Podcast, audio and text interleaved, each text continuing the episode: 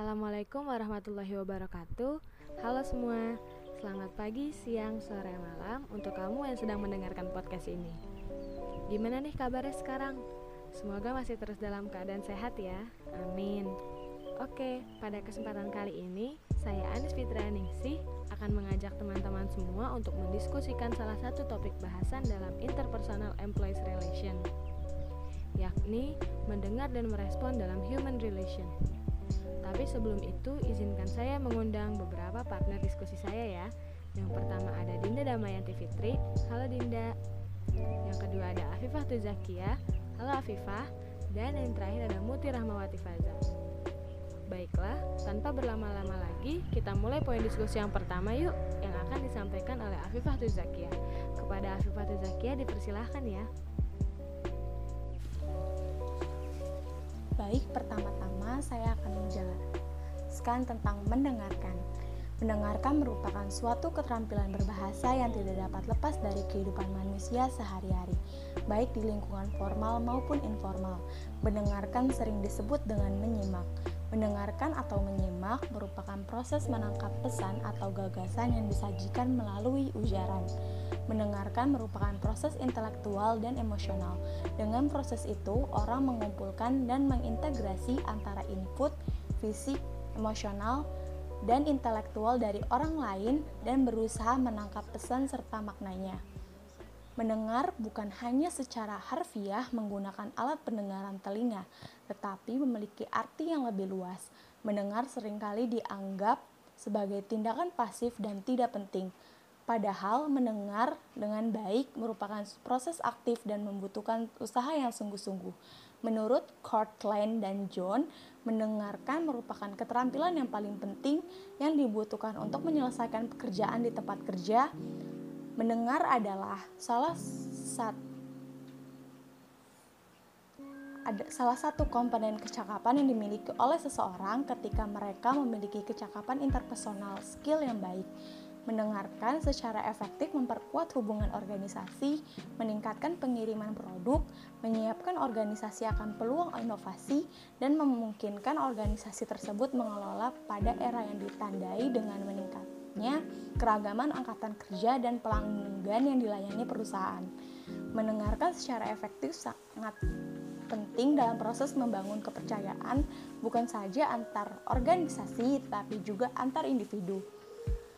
Selanjutnya, saya akan menjelaskan mendengar dalam human relation. Mendengarkan merupakan hal yang utama dalam berkomunikasi secara interpersonal. Begitu pula komunikasi dengan human relation merupakan salah satu unsur penting yang membangun sebuah tim yang dapat membawa tim tersebut ke dalam tingkat keberhasilan. Dengan adanya komunikasi yang baik, maka akan terbentuk juga hubungan yang baik antar sesama individu. Komunikasi tersebut akan berjalan baik apabila kita bisa mendengarkan lawan bicara kita. Mendengarkan memiliki kekuatan yang banyak dalam membangun hubungan membangun hubungan dengan orang lain. Antara lain, pertama, menjauhkan diri dari kesulitan dengan menjadi pendengar yang baik, seseorang cenderung lebih teliti memperhatikan petunjuk, saran, peringatan, sehingga terhindar dari kesulitan atau masalah akibat kelalaian. Yang kedua, menerima banyak informasi dan menambah wawasan. Banyak hal yang terjadi di sekitar kita. Semakin banyak kita mendengar dan memahami suatu kejadian, kita semakin profesional. Yang ketiga, membuat kita lebih bijaksana. Mendengarkan bukan hanya meningkatkan kecerdasan seseorang, melainkan juga membuat seseorang lebih bijak. Yang keempat, membantu memahami orang lain. Salah satu cara memahami orang lain adalah dengan mendengarkan apa yang dia bicarakan mengenai suatu masalah. Yang kelima, mendukung keberhasilan dalam bernegosiasi. Dua kunci untuk memperoleh apa yang kita inginkan dari orang, orang lain adalah mengetahui apa yang ingin mereka berikan dan apa yang perlu dilakukan untuk membuat mereka memberikan lebih banyak lagi. Yang keenam, mengurangi rasa marah dan curiga terhadap orang lain. Tanggapan awal terbaik terhadap emosi dilakukan oleh telinga Anda. Yang terakhir, meningkatkan kualitas cinta dalam hidup. Salah satu ungkapan rasa cinta yang paling menyakitkan memungkinkan adalah dengan mendengarkan seseorang. Selanjutnya akan dijelaskan oleh Dinda Damayanti. Selanjutnya, Saya Dinda Damayanti Fitri akan menjelaskan tentang hambatan dalam mendengar. Mendengarkan merupakan dasar keterampilan berbicara yang baik. Apabila kemampuan seseorang dalam mendengarkan kurang, dapat dipastikan dia tidak mengungkapkan topik yang didengar dengan baik. Dan apabila pesan yang didengarkan tidak tertangkap dengan baik, hal tersebut disebabkan karena kurangnya perhatian, kurangnya tertarik pada topik, kurang efisien dalam menyimak. Henry Guntur Tarigan membagi tiga hal yang mempengaruhi kegiatan mendengarkan seseorang. Yang pertama, faktor fisik. Faktor fisik ialah kondisi jasmani penyimak atau pendengar pada waktu mengadakan kegiatan mendengarkan. Yang kedua, faktor psikologis. Faktor psikologis adalah faktor yang berkaitan dengan gejala kejiwaan pendengar. Hal ini berupa sikap kurang simpatik dari pendengar, pendengar memiliki sikap egois yang sangat tinggi, pendengar berpandangan terlalu sempit terhadap permasalahan yang didengarkan, terla timbul rasa kebosanan yang mendalam dari pendengar, dan sikap yang ditunjukkan pendengar kurang, kurang menghargai pembicara. Yang ketiga ada faktor pengalaman. Faktor pengalaman ialah segala sesuatu yang pernah dialami pendengar sebelumnya. Pengalaman yang banyak dan beragam akan memperkaya pada diri pendengar. Pengalaman dalam mendengarkan berupa ide atau gagasan, topik atau pokok pembicaraan, istilah-istilah baru dan istilah asing yang dimiliki, teknik keefektifan dalam mendengarkan, dan terakhir gaya mendengarkan. Hambatan yang terjadi pada proses mendengarkan yaitu terjadi pada saat memasukkan informasi ke short-term memory dan long-term memory. Hambatan tersebut ialah sebagai berikut. Yang pertama, kecilnya daya tampung ingatan jangka pendek.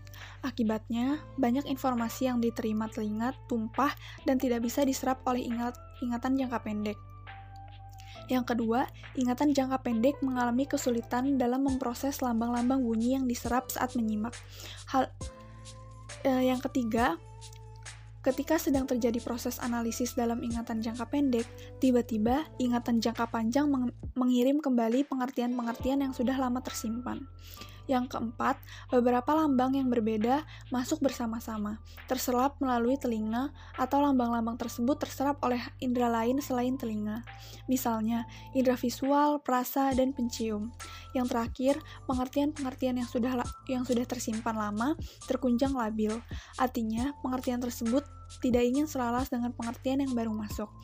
Nah, itu pengertian dari saya. Selanjutnya, akan dijelaskan oleh Muti Rahmawati Faza. Selanjutnya yaitu keterampilan mendengar. Komunikasi merupakan kunci terpenting dalam membangun hubungan baik antar setiap individu. Komunikasi yang efektif sangat bergantung pada keterampilan seseorang dalam mengirim maupun menerima pesan. Keterampilan mendengarkan yang efektif tidak hanya dalam mengembangkan hubungan, tetapi juga efektif dalam menghindari konflik. Oleh sebab itu, penting untuk mengembangkan kemampuan mendengarkan untuk menghasilkan komunikasi yang efektif. Tanpa menggunakan teknik pendengaran yang efektif, seorang pembicara tidak akan mungkin menjawab dengan jelas atau menjawabnya menyimpang dari pertanyaan yang dilontarkan, atau bahkan pembicara meminta pendengar untuk mengulang kembali pertanyaan-pertanyaan yang dilemparkan. Untuk itu, perlu dipahami bagaimana cara seseorang mendengarkan pembicara dengan efektif. Agar dapat mendengarkan secara efektif, kita perlu melakukan lima langkah yang berbeda dengan baik. Yang pertama, menerima. Menerima yakni memulai mendengarkan pesan secara fisik dan mengajui bahwa kalian memang mendengarkan. Penerimaan secara fisik dapat terganggu oleh suara bising, pendengaran yang kurang jelas, atau kurang menaruh perhatian. Beberapa ahli juga menyertakan pesan nonverbal sebagai bagian dari tahap ini, karena faktor-faktor tersebut juga mempengaruhi proses mendengarkan. Yang kedua, menafsirkan, yakni memberikan anti arti terhadap suara yang dapat Anda lakukan menurut nilai-nilai kepercayaan, ide, harapan, kebutuhan, dan sejauh pribadi Anda. Yang ketiga, mengingat, yakni menangkap informasi tersebut dalam memori jangka pendek, kemudian mentransfernya ke memori jangka panjang untuk disimpan dengan aman. Nah, yang keempat, mengevaluasi adalah mengevaluasi pesan tersebut dengan menerapkan keterampilan berpikir kritis. Pisahkanlah fakta dan opini dan evaluasilah kualitas bukti tersebut. Nah, yang kelima itu merespon. Dilakukan setelah kalian melakukan evaluasi terhadap pesan pembicara dan sekarang kalian bereaksi. Bila kalian berkomunikasi dari satu orang ke orang lainnya atau dalam kelompok kecil, respon awal biasanya berupa umpan balik lisan. Bila kalian salah satu dari banyak audiens, respon awal kalian mungkin berupa tepuk tangan, tertawa, atau diam. Baru kemudian kalian bertindak berdasarkan apa yang kalian dengar.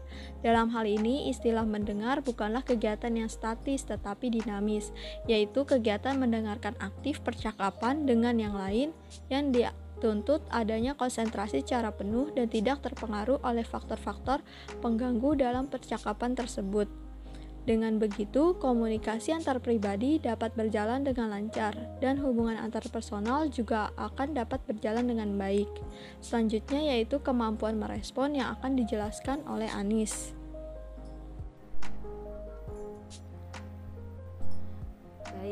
Selanjutnya ada kemampuan merespon atau responding, yakni kemampuan yang dimiliki oleh seseorang untuk mengikut sertakan dirinya secara aktif dalam uh, kegiatan komunikasi dan membuat reaksi terhadap kegiatan komunikasi tersebut. Pada jenjang ini, merespon setingkat lebih tinggi dari jenjang kemampuan menerima. Kemampuan merespon juga dapat diartikan sebagai kemampuan menunjukkan perhatian yang aktif, kemampuan melakukan sesuatu, dan kemampuan menanggapi. Pada kemampuan respon, merespon, tingkat responding terdiri dari tiga e, tingkatan. Yang pertama ada acquiescence in responding atau persetujuan untuk menjawab, yakni tahap di mana kamu baru menerima informasi yang baru dan memiliki keinginan untuk merespon informasi tersebut. Namun belum ada tindakan atau keinginan tersebut sehingga terdapat suatu perilaku yang pasif dan stimulus yang memancing perilaku itu untuk sulit menerima. Yang kedua adalah willing willingness to respond, yakni kemampuan untuk menjawab di mana tahap ini dimulai atas adanya tindakan aktif untuk merespon informasi bukan hanya sekedar kemauan, tapi pada tahap ini kamu akan menunjukkan perilaku bahwa kamu bersedia untuk merespon karena kemauan diri kamu sendiri atau secara sukarela. Nah, yang ketiga ada satisfaction in response atau kemampuan dalam menjawab. Yakni tahap di mana kamu merasa yakin dan puas karena dapat menerima dan merespon informasi yang kalian dapat dari pembicaraan tersebut atau pada tahap ini muncul perilaku yang tampak disertai dengan rasa puas. Suatu respon emosional yang umumnya menunjukkan rasa senang, kegembiraan, atau sukacita.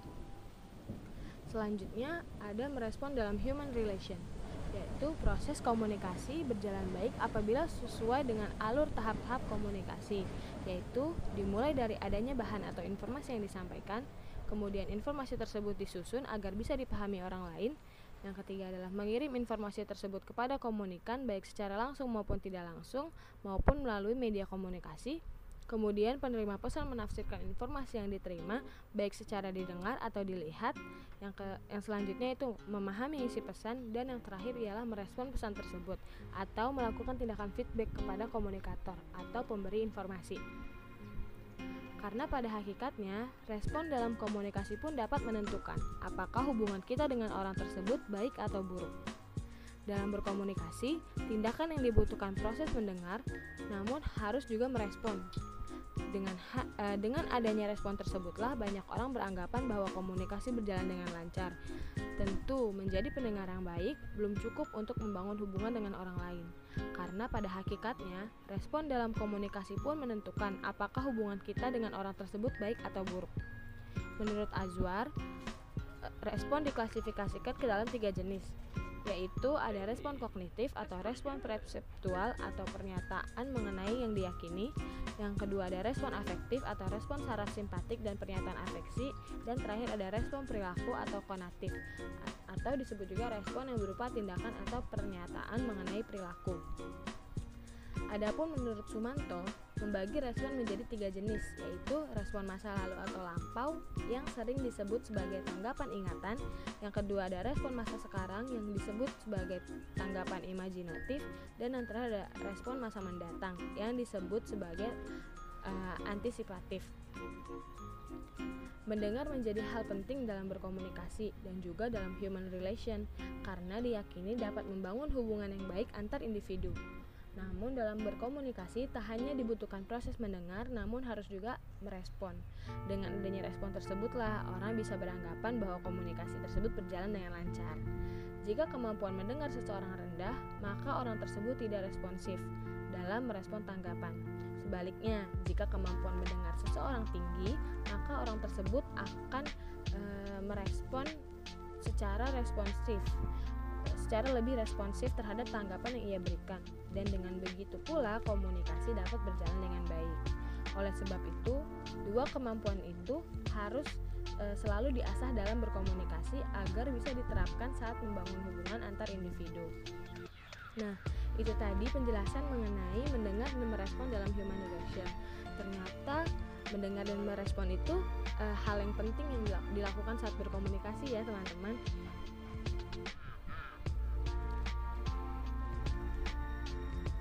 Kami harap podcast ini bisa bermanfaat untuk teman-teman semua ya. Terima kasih kepada Dinda Damayanti, Alfatul Zakia, dan Muti Rahmawati atas penjelasan yang telah diberikan. Sampai bertemu di episode selanjutnya. Jaga terus kesehatan ya teman-teman. Wassalamualaikum warahmatullahi wabarakatuh.